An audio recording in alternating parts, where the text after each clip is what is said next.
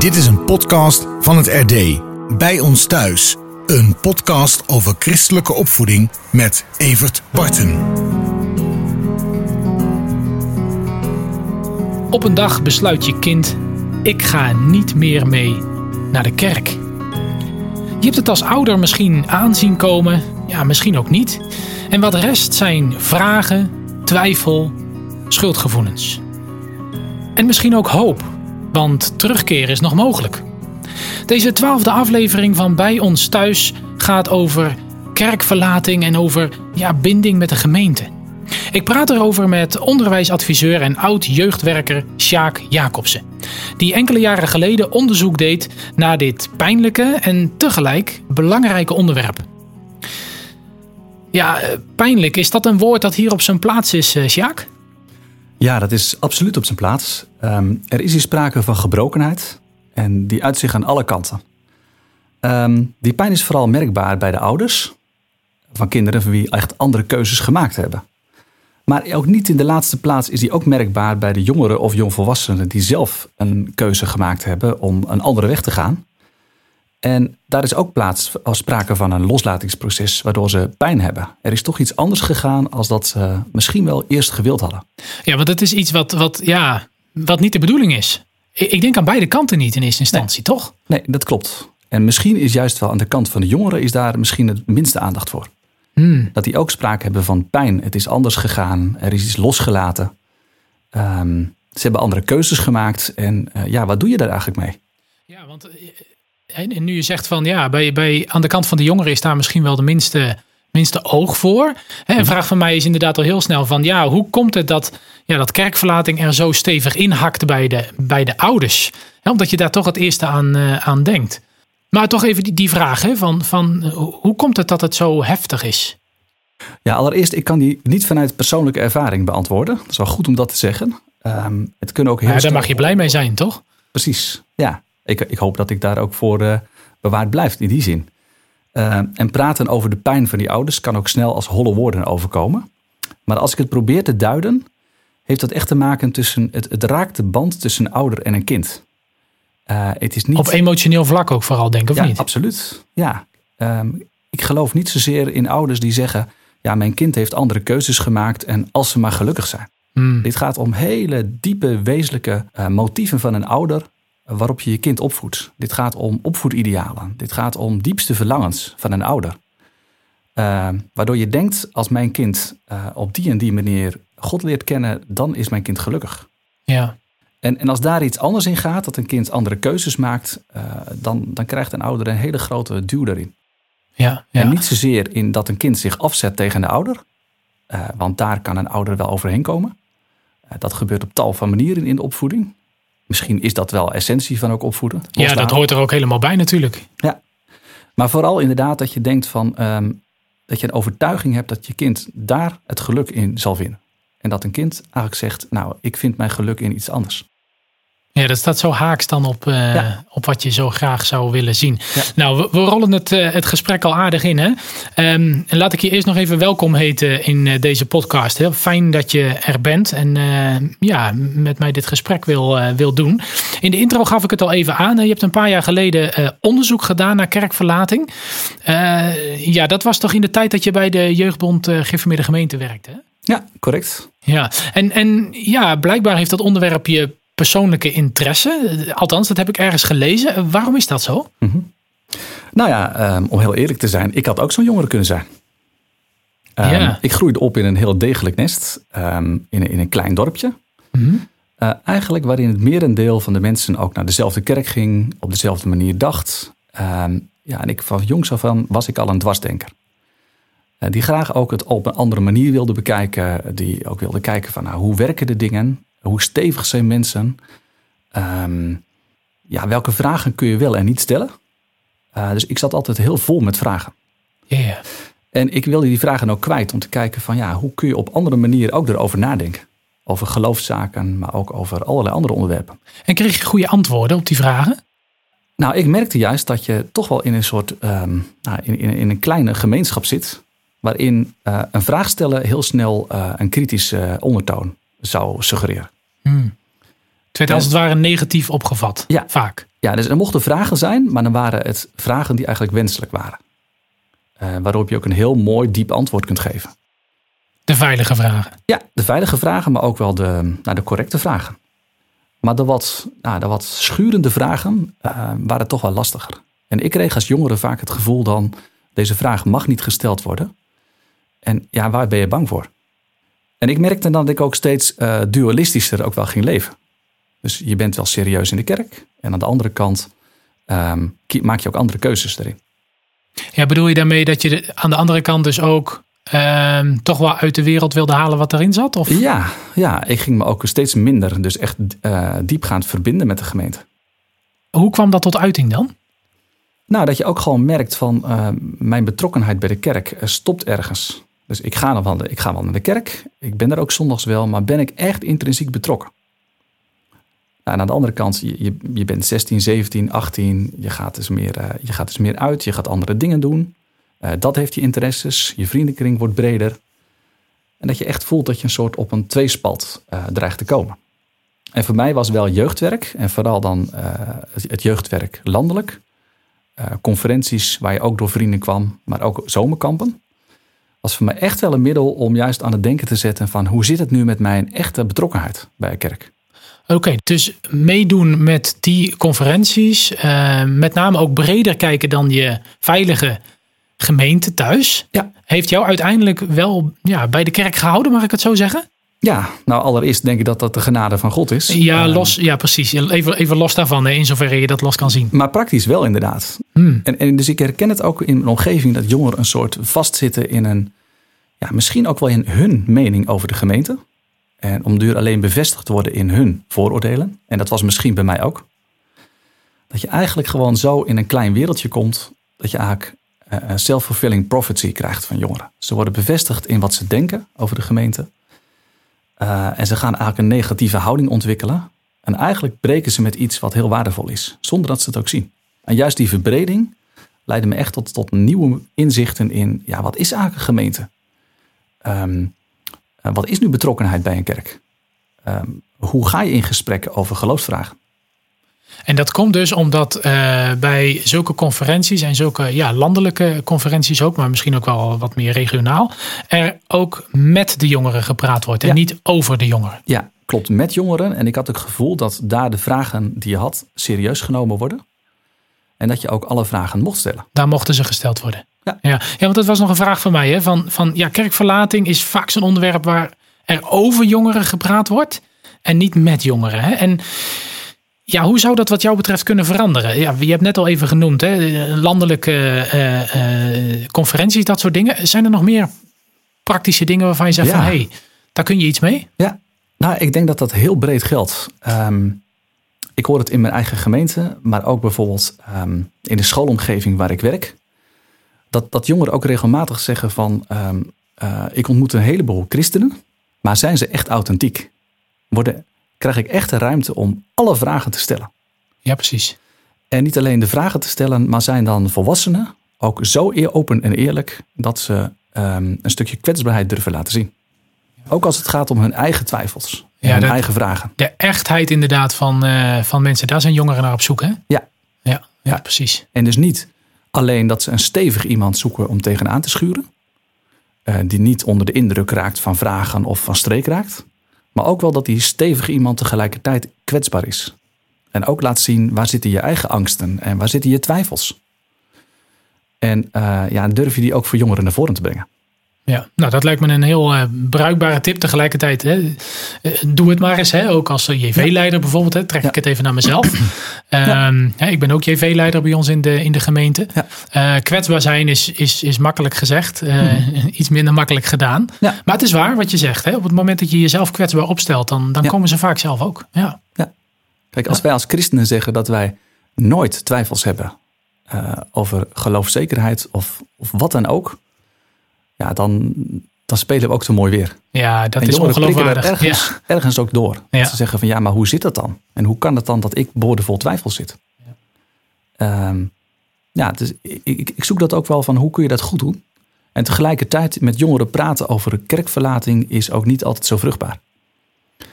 Ehm, en over twijfels. Ik, ik, zoek ook echt de andere kant. Uh, nou, ik denk 95% van de jongeren op jouw vereniging zal um, altijd in de kerk gezeten hebben. Um, ja. En ze, ze weten niet anders dat er een kerkelijke gemeente om hen heen is. En echt uitleggen hoe bijzonder het is dat God een christelijke gemeente om je heen plaatst. Met het doel dat je Hem zult leren kennen. Dat hij mensen om je heen plaatst die voor je zorgen, die er voor je zijn. Uh, en dat je ook een verhouding moet hebben tot die mensen. Dus dat je als het ware een mierenkolonie bent en je bent niet op jezelf.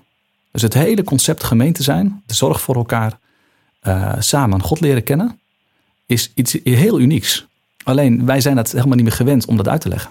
Ja, en daarmee doorbreek je als het ware het, het gewoon vinden en ja. ja het eigenlijk maar, nou ja, zo is het altijd geweest dus. Ja, en daardoor breek je ook de, als het ware de maatschappelijke trend dat de gemeente een soort keuzemodel is. Dus als jij er iets uithaalt, uh, dan is het goed voor jou. Ik heb ook wel eens tegen een aantal jongeren gezegd: ja, doe je dat ook met jouw demente oma? Als ze zeggen van, joh, laten we naar oma gaan, uh, dan is toch ook niet de vraag: vind je dat leuk of niet?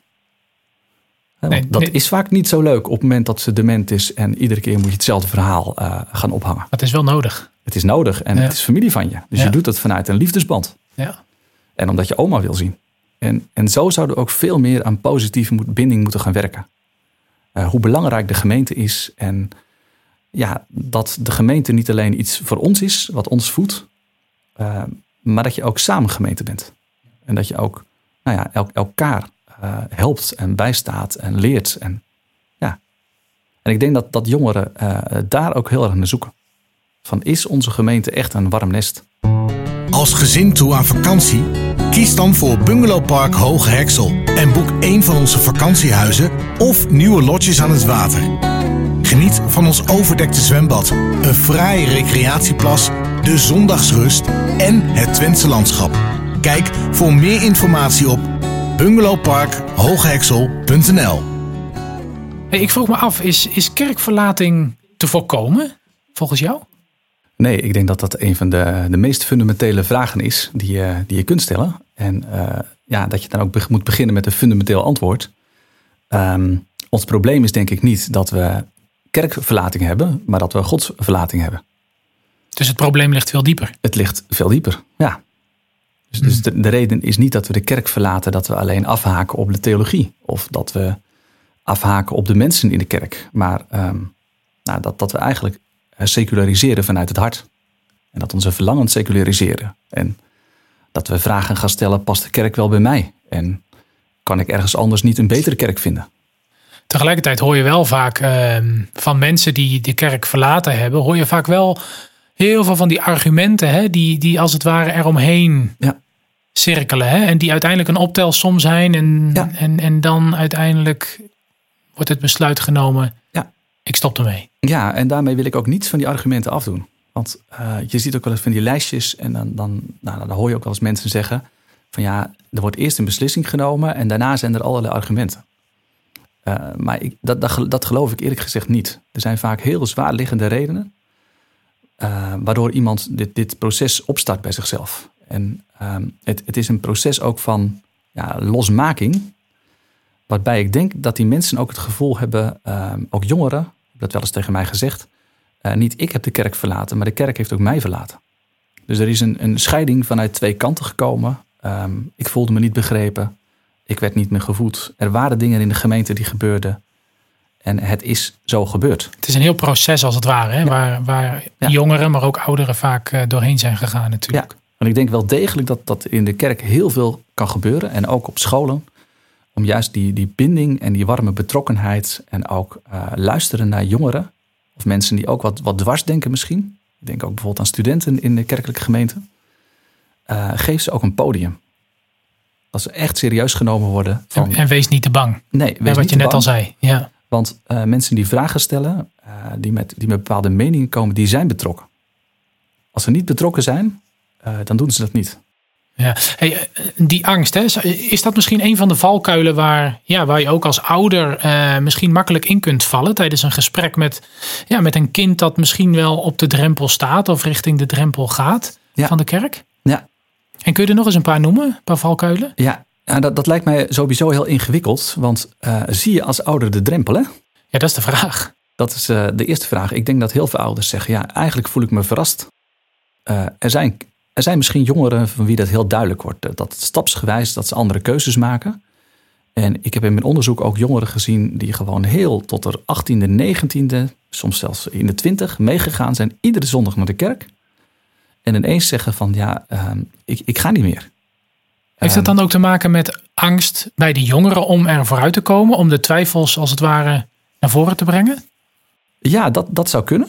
Uh, of het is meer een, een, innerlijk proces geweest, wat zich niet zo uit in, in ja, uiterlijke stijl of in andere keuzes maken van uitgaan of wat dan ook, kleding of hoe dan ook. Uh, maar het is meer iets innerlijk gebeurd. En uh, op een gegeven moment um, is er een besluit genomen en, en er knapt iets. En, en dan het gesprek, die valkuilen. Ja, ik kan er een paar opnoemen, maar bijvoorbeeld, ik kan me heel goed voorstellen dat er ook een soort waarheidsstrijd komt. Dat het een enorme valkuil is om daar het gesprek over te voeren. Wie heeft er nu gelijk? Ja.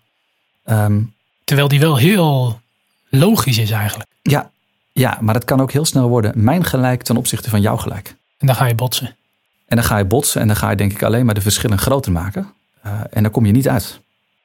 En uh, daarbij is de kans dan groot dat het uiteindelijk over randzaken gaat en niet over de kern. Want jij zegt eigenlijk, als je dan zo'n gesprek voert, moet je toch wel naar de kern toe. Ja, ik denk wel naar je eigen, eh, naar je eigen diepe beweegreden. Waarom jij ooit voor deze kerk gekozen hebt. Uh, wie God voor jou is. Uh, wat de gemeente voor jou betekent. Uh, hoe jij gevoed wordt. Dus ik zou aanraden van begin het gesprek heel erg vanuit jezelf.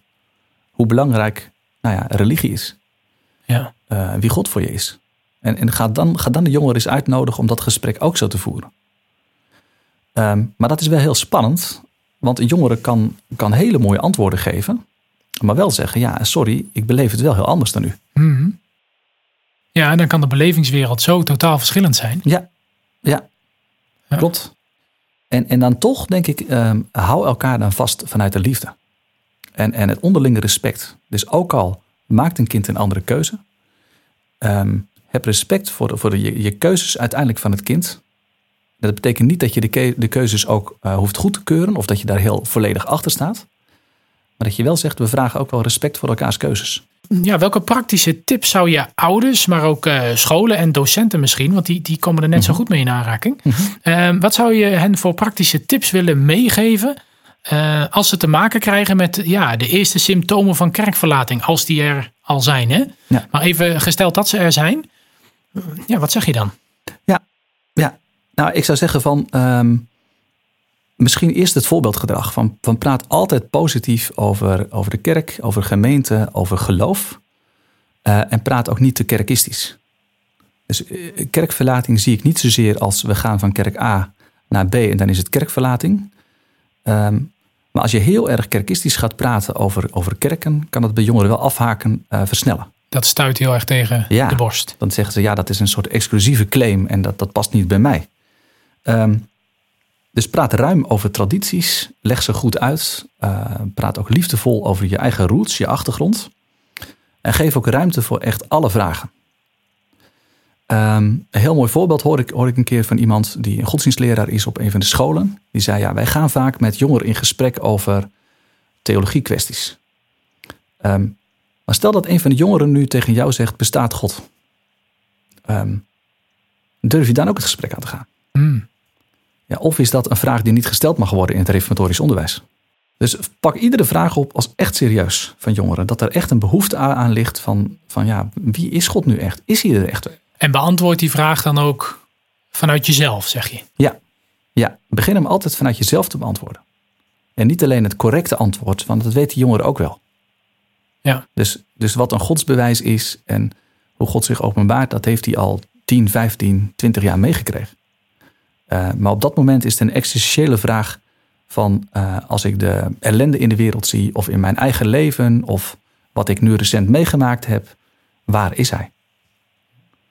En, en, en op dat soort vragen, en, en ook aan de andere kant als het gaat om jongeren die kritisch zijn op de menselijke kant van de kerk, ja, denk maar even naar de MeToo-discussie, uh, alle ellendes in de kerk. Um, ja, geef ook, ook podium voor dat gesprek.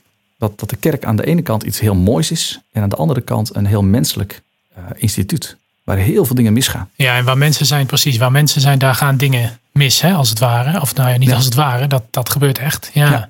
ja. En daarmee zeg je eigenlijk, wees daar ook dan nuchter en eerlijk in. Ja, ja, want jongeren komen ermee, ze maken zich er zorgen over. ehm, nou, ze, ze zien misschien wel die negatieve kant scherper dan volwassenen. Ehm, ja, dus ga dat niet maskeren. En tegelijkertijd vind ik het heel mooi. Ik heb eh, voor de Jeugdbond eh, veel gesprekken mogen doen met jongeren over gemeente zijn. En ik had ook een werkvorm waarin ik, gewoon eigenlijk heel ehm, nou ja, social media-achtig zei van wat like jij vanuit je gemeente en wat niet. Nou, het like-lijstje was vaak niet zo groot bij tieners. En dat je dan in gesprek gaat over de dingen die zij niet zouden liken, dus die ze echt eh, niet, niet fijn vinden. Nee, dan zegt, oké, jij- jullie zijn de toekomstige gemeente.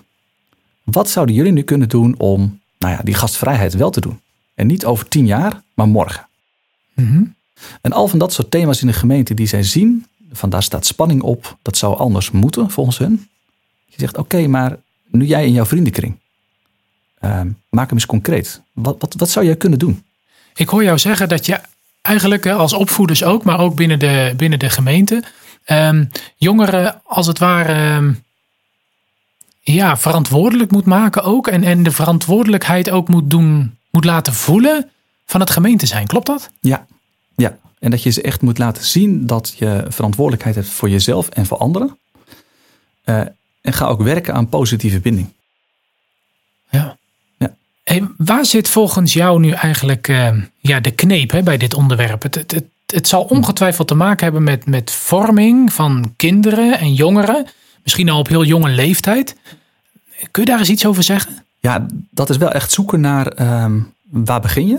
Ehm, nou, als, als ik even gewoon bij mezelf begin als opvoeder, ehm, dan merk ik dat ik in de praktijk ook zes van de zeven dagen heel pragmatisch opvoed. Gewoon als het een beetje loopt, eh, iedereen doet een beetje wat, wat hij moet doen, dan ben je al heel tevreden. Ja, want even voor de helderheid. Je hebt een dochter van 16 Van, ja, van 18 of van 18. en een zoon van 16 en een zoon van 7 net. Ja. Dus je zit er middenin zelf. Ja, nou ja, niet in de kerkverlating hoop ik, maar wel in het opvoeden en het... Ja, ja, klopt. Dus je bent heel pragmatisch vaak bezig.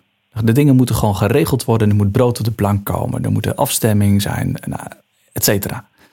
Tegelijkertijd ben ik ook voor uh, Driester Educatief bezig met colleges over opvoedidealen, karaktervorming. Uh, met pedagogiekstudenten. En dan denk ik, ja, practice what you preach. maar hoeveel ouders denken nu echt na over opvoedidealen? Over de wijze waarop het karakter van je kind gevormd wordt? Uh, wat je kind nu ten diepste verlangt. Uh, hoe die verlangens misschien misvormd worden in deze tijd. En we zouden als ouders veel meer zo naar onze kinderen moeten kijken. Dus niet alleen is het gedrag oké okay, en lopen ze wel redelijk in het paadje. Uh, maar wat gaat er nu dieper in om? Maar daar moet je toch wel iets, ja, daar moet je als ouders toch wel iets mee hebben met dat onderwerp. Want anders dan inderdaad komt het toch al snel op, de, op het praktische uh, neer. En er zijn natuurlijk ook ouders die ja, niet, niet, niet ja. zo hoog begaafd zijn, uh, niet hoog opgeleid zijn. Ja, die denken daar niet aan. Ja. Ja, maar dat is precies wel de vraag van um, uh, hebben we wel genoeg aandacht voor onze vormingsopdracht als ouders en als opvoeders? Dus mijn inziens kunnen we nooit tevreden zijn, uh, ook, ook in het onderwijs niet, met gedragsregulatie. Dus als mijn kind oké doet, uh, dan ben ik klaar met vormen. Uiteindelijk is het, is het een goddelijke opdracht om je kind te vormen, zoals een, nou ja, zoals een pottenbakker dat doet. Het voorbeeld wat natuurlijk God in de Bijbel ook gebruikt. En de vraag is inderdaad van wat heeft de schepper met dit kind voor? En wat zie ik gebeuren in dit kind? En, en welke rol mag ik daarin spelen? Maar in een, in een tijd waarin we nou ja, 24 uur economie hebben, waarin we alles gaat door, is, is daar misschien veel te weinig aandacht voor. Van... Ja, ja. ja, we zeggen heel vaak, uh, ja, opvoeden is een hoge opdracht, maar we staan er misschien wel veel te weinig bij stil. Ja, ja. En, en ook heel concreet, hè? ik denk dat wij in de reformatorische achterban wel vaak naar het theologische ideaal kijken. Dat, dat een kind God moet leren kennen. Maar wie is mijn kind nu als persoon? En um, ja, wat, wat voor verlangens heeft dat kind? Welke waarden? Uh, wie bewondert die en niet? We zouden denk ik veel meer zo moeten kijken in de basis. En, en dan kun je ook meer zien van ja, wat, wat gaat er nu echt in dit kind gebeuren? hoe, hoe kijkt een kind nu naar zijn omgeving? Hoe kijkt een kind naar zichzelf, naar de kerk, op religieus gebied? Hoe verbindt dat zich nu aan een gemeente? En, en we zouden veel meer dat moeten volgen en daarop betrokken zijn. Goed dat je luistert naar deze ED-podcast over christelijke opvoeding. Elke week praat ik met een interessante gast over een nieuw onderwerp. Abonneer je op deze podcast, zo mis je geen enkele aflevering. Ja, als je als ouder ziet dat je kind eh, de kerk verlaat, dan komen er uh, ja, vaak heel wat emoties los. Hè. We hadden het er net al even over, hè, dat het ook echt op het emotionele vlak uh, ligt. Maar ook in het gezin heeft het grote impact. Ik, heb dat zelf ervaren, helaas zeg ik er gelijk bij, in het gezin waar ik uh, uitkom. Uh, twee broers en een zus hebben afscheid genomen van de kerk. En ja, dat heeft toch wel behoorlijke invloed gehad uh, op het gezin. En mijn vraag aan jou is eigenlijk: wat zou je ouders willen meegeven die hiermee worstelen? Ja, dat ik dat heel um, pittig voor hun vind. en het ook heel lastig vind om daar pasklare antwoorden voor te geven. Want ik, ik, realiseer me dat ook vanuit de kerkelijke gemeenten ook vaak naar hun gekeken wordt van, van wat heb je verkeerd gedaan. En uh, ook in het onderzoek wat ik gedaan heb, dan zie je, uh, ja, er, er, is niet een soort kausaal verband tussen wat ouders doen en, en hoe het gaat met kerkverlating. Het je kan ziet, zomaar gebeuren. Je ziet bij wijze van spreken in gezinnen, modelgezinnen om het zo te zeggen, zie je dat ook gebeuren. Um, dus oorzaak-gevolg is gewoon heel erg, erg lastig te stellen. En ja, ik, ik, kan vooral ouders aanbevelen ook van uh, zoek contact op met, met ouders die ook hetzelfde meegemaakt hebben. Of met een pastoraal werker of iemand uit de gemeente uh, die, die dit ook kent. En een van de mooie dingen vind ik het boekje van dominee van Aalst, uh, die hij geschreven heeft naar aanleiding van gesprekken met ouders. Dat boekje is Het zal je kind maar zijn. Ja. Is zeer aan te bevelen. Die ook vooral op een hele evenwichtige pastorale toon hiermee omgaat. En ook iets van de, van de pijn um, van ouders dat die er ook mag zijn. Want dit, dit is heel ingewikkeld. Je gaat jezelf verwijten stellen. Je schaamt je misschien wel. Waarom is het bij mij misgegaan? Um, en, en, dat heeft ook, ook impact in je relatie uh, met de heren. Van, van ja, wa waarom? Waarom moet dit mijn gezin gebeuren? En, ja. en het zal heel veel spanning geven, ook onderling. Uh, ook richting uh, andere kinderen als die er zijn. hoe ga je hier goed mee om? Ja, en je, je stipt het net al even aan. Hè? Inderdaad, de omgeving, hè? Die, die, die kijkt ook nog eens een keer naar je. Van ja, nou, dat zal inderdaad wel aan de opvoeding liggen. Ja, dat is inderdaad een heel herkenbaar uh, punt. Ja, ja, Maar blijf inderdaad in alle gevallen de band met je kind vasthouden. Dus ook al ga je een, een, een andere weg, uh, zorg niet dat het een strijdpunt blijft. Maar, maar blijf betrokken op je kind, op keuzes die hij maakt, uh, zonder continu de strijd aan te gaan. Ja, ja, nu schiet me opeens nog een, een vraag in, in gedachten. Um, uh, kijk, als, als gezin heb je regels, huisregels. Hè? Bijvoorbeeld, een van die belangrijke regels is natuurlijk waar het zeker ook hier om gaat. Je gaat mee naar de kerk. Um, ja, als een kind dan op een gegeven moment zegt van ik ga niet meer mee naar de kerk. Um, ja, dan, dan, dan is voor dan is dat best lastig. Hè? Van ja, past mhm. zo'n kind dan nog in het gezin, ja of nee? Of moet je dan toch zeggen van ja, maar dan, dan gaan hier onze wegen in die zin wel uit elkaar. Hm. Ja. En dat is natuurlijk heel moeilijk om een kind als het ware uit huis te zetten. Ja, dat klinkt nou een beetje hard, maar ja. in de praktijk is dat dan zo? Ja, ja, dat lijkt me ook buitengewoon ingrijpende beslissingen die je maakt. En um, kijk, persoonlijk um, merk ik dat ik op dat soort punten ook niet zo flexibel zou zijn. Bij ons gaat het thuis om veel kleinere dingen. En dan merk ik heel snel dat het gaat om mijn gelijk versus het gelijk van mijn kind. En, en daar moet je denk ik echt uitblijven. Um, maar tegelijkertijd moet je helder zijn en zeggen, ook richting je andere kinderen, van ja, maar dit zijn wel de regels van het huis. Ja, ja. maar hoeveel mag die regel van het huis uh, dan kosten, zeg maar? En, en, dat lijkt mij een heel persoonlijke afweging. Ja. Dus ik denk dat je wel kan zeggen van, um, je vraagt je kind ook, ook je waarden en normen te respecteren. Dus dat betekent als er aan, aan tafel gebeden wordt en gedankt wordt, dat een kind daar ook gewoon bij is en dat respectvol ook doet. Ook al doet een kind misschien niet mee. Um, maar ja, je zult wel een afweging moeten maken als een kind zegt: Ik ga niet mee naar kerk. Um, ja, ga je daardoor de relatie met het kind verbreken? Want daarmee verbreek je ook heel veel. En ook heel veel mogelijkheden om met je kind in gesprek te zijn. En om, om je kind voor te leven. Ja, ja, nee, dat, dat snap ik. En tegelijkertijd zijn het enorme dilemma's, want je zult, uh, het, zal, het zal je eerste kind zijn en nog wat kinderen eronder hebben. Precies. En dat lijkt me een buitengewoon ingewikkelde afweging. Ja. Hey, nog een vraag over de, de, de buitenstaanders. Hè? Ehm, ja, hoe moet je daar, hoe moet je omgaan met kerkverlating in andere gezinnen als je ja, buitenstaander bent? Mhm. Ja, ik, ik, denk door het, door het thema ook gewoon ehm, door belangstellende vragen over te stellen. Het, het is een soort ehm, besmet thema. Uh, vraag ook gewoon eens van, joh, hoe gaat het met jullie en, en hoe gaat het met je zoon of dochter? En nou ja, welke keuzes maken die daarin en hoe sta je daar zelf in? Dus ouders hebben ook vaak behoefte aan gesprek. Gewoon open vragen stellen. En uh, de vragen niet stellen kan ook voelen als een soort impliciete veroordeling. Mm um, ja, en gaat, gaat zeker ook niet veroordelend uh, zelf beredeneren. Dat je denkt, ja, maar ik kan het wel aanwijzen wat, waar het misgegaan is. Dus ga, ga niet zo denken, maar ga ook, ook liefdevol hun, hun omringen. Geef ook podium voor gesprek. En ook de jongeren zelf, hè. Um, uh, blijf ze gewoon zien. Ik, ik vond het heel mooi in onze eigen gemeente. Uh, ik sprak een keer een jongere en die zei: Ik word jaarlijks nog steeds uitgenodigd op gesprek. Terwijl ik niet meer bij de kerk hoor. Ik zei: Ja, en wat doe je dan? Ze ja, ik ga er eigenlijk niet op in. Ik zeg, maar, maar wat vind je dan dat je uitgenodigd wordt? Hij zei, eigenlijk vind ik het wel mooi, want ik ben daar toch gedoopt. Ja, En ik hoor er ergens nog een beetje bij. Het voelde toch wel, als, toch wel goed, als het ware. Je wordt nog gezien en in de supermarkt word je gezien. En um, je, staat, je bent altijd welkom voor gesprek.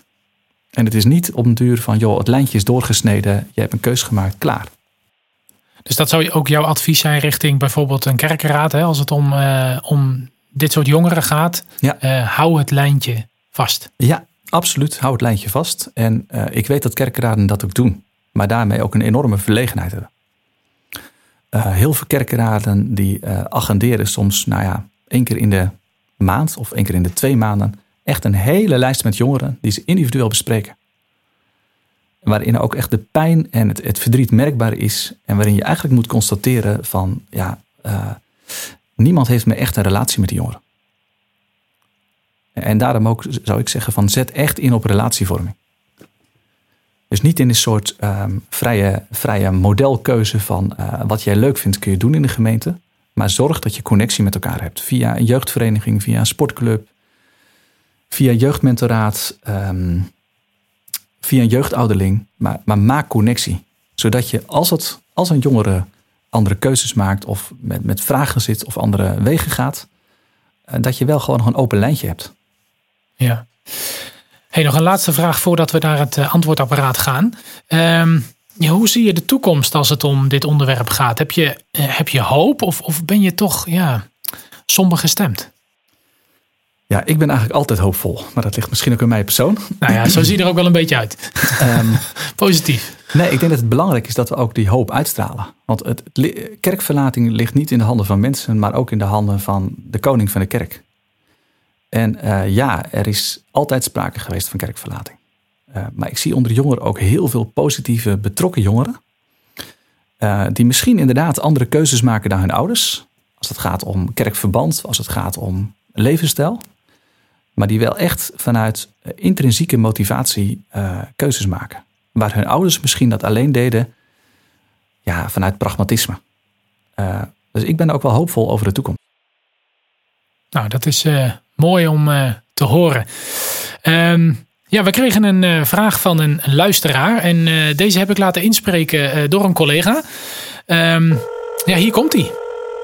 Wij hebben zelf niet met totale kerkverlating te maken, gelukkig. Wel zijn bij ons drie kinderen overgeschreven naar een niet-reformatorische kerk. En daarnaast gaan twee kinderen die niet meer thuis wonen ook niet meer naar de kerk waar ze grootgebracht zijn. Wat steeds blijft knagen is, wat hadden we anders moeten doen? Het voelt als falen. Het voelt ook als gemis. Het belangrijkste deel je niet meer met je kinderen. Je denkt niet meer hetzelfde. Anderzijds weten we ook dat we allemaal hetzelfde nodig hebben, namelijk bekering, in welke kerk je ook zit. Ja, het, het, het, blijft knagen, zegt deze luisteraar. En, en, en ja, wat hadden we anders moeten doen? Ja, worstelen ouders hier meer mee, Sjaak? Of, of? Ja, um, ik denk dat dit precies de kern is van de worsteling die heel veel ouders hebben. Um, als kinderen andere wegen gaan. Um, omdat je toch niet terugziet in de opvoeding wat je graag had terug willen zien. En, en dat, dat is automatisch de spiegel dat je terug gaat kijken van ja, wat heb, heb ik als opvoeder anders gedaan? Ehm, aan de andere kant mag het ook een troost zijn als je dan weet dat je biddend uh, opgevoed hebt. En dat je in alle gebrokenheid en fouten die je maakt als mens, ehm, dat je hebt gedaan wat je hand uh, vond om te doen. Uh, en dat er ook niets bij geval is. Dus, dus blijf die kinderen ook steeds met, met liefde omringen. en blijf ze ook aan God opdragen in het gebed. Ja, dus dat je, ja, je zegt eigenlijk dat je met een rein geweten kunt zeggen, um, ook voor Gods aangezicht, ik heb mijn best gedaan. Ik heb gedaan wat ik kon doen, met alle fouten die er waren. Ja. ja. En dan is het toch gebeurd. Ja. Ja, en, en ook vooral met, um, niet vanuit met een rein geweten, denk ik, zo zich, want dat zal geen één, ouder zeggen. Um, maar vanuit, nee, dat is erg hoog gegrepen, ik weet het. Ja. Maar, maar, vooral vanuit het, vanuit het, um, ja, het principe dat je zegt van ja, ik, ik ben inderdaad, ik ben misschien heel veel fouten gemaakt richting mijn kinderen. Dat is ook goed om daar ook met je, met je kinderen over in gesprek te gaan. Ook die kwetsbaarheid te laten zien. Maar het loopt God ook niet uit de hand. Dus dan denk ik ook even aan, aan Monica en Augustinus. Um, ik wil niet zeggen dat die kinderen allemaal Augustinus worden. maar blijf betrokken op je kind. blijf bidden voor je kind. En blijf je kind ook voorleven. En, en ga dat schuldgevoel ook niet te veel voeden. Want ik denk dat dat, dat je juist ook verlamt om, om juist de relatie met je kind open te houden. Ja, ja. Nou, veel dank voor uh, je reactie op deze vraag. En ook uh, dank voor het gesprek dat we zo met elkaar hadden. Uh, ja, nog één vraagje, en wat persoonlijker misschien. Um, ja, wat zou je tegen je zoon of dochter, ja, dochter in dit geval, hè, van, van 18 zeggen? Als ze nou morgen tegen jou zegt: Pa, die kerk, ik heb het er helemaal mee gehad. Ik ga niet meer. Wat zeg jij dan? Ja, heel eerlijk. Ik denk dat ik dan even een time-out zou moeten vragen. Omdat ik dat buitengewoon moeilijk zou vinden om te handelen. Nou, dat is wel een heel eerlijk dat antwoord. Is, dat is heel eerlijk. Omdat ik, uh, denk ik, heel snel met honderd waarom vragen zou zitten. Van waarom nu pas? Wat, wat gebeurt dit? Uh, maar hoe komt dat dan bij jou? Uh, dat, dat is mijn analytische onderzoekende geest. Ik zou er gelijk grip op willen hebben. Um, maar de beste houding zou denk ik inderdaad zijn uh, het, het, aanhoren. Um, ook inderdaad afspreken wanneer ik erop terug zou komen. En, en, en ook vooral dat je denkt van ja, ik, ik moet hier eerst de wijsheid om vragen. Ik moet hierom bidden. En dan, dan heel rustig het gesprek aangaan van joh, vertel. Um, en, dan, en dan ook wel inderdaad delen van wat dat bij mij zou doen. Ja, nou ik hoop van harte dat het niet gebeurt. Hoop ik ook. ja. Nogmaals uh, dank. Uh, ja, en ik hoop dat, uh, dat het de luisteraars helpt als ze in zo'n moeilijke situatie raken of al zitten. En ook weer veel dank voor het luisteren naar deze podcast. Heb je nou een vraag, ook voor ons antwoordapparaat? Stuur hem naar podcast.rd.nl. En ook opmerkingen en nieuwe ideeën hoor ik graag. En laat gerust ook een mooie review achter. En trouwens, alle andere afleveringen die we hiervoor al gemaakt hebben, kun je vinden op rd.nl slash bij ons thuis. Volgende week duiken we in de wereld van de muziek. Wat is de waarde van goede muziek in huis? Daarover praat ik met Lydia van Ginkel, senior jeugdwerkadviseur bij het LCJ. Tot dan!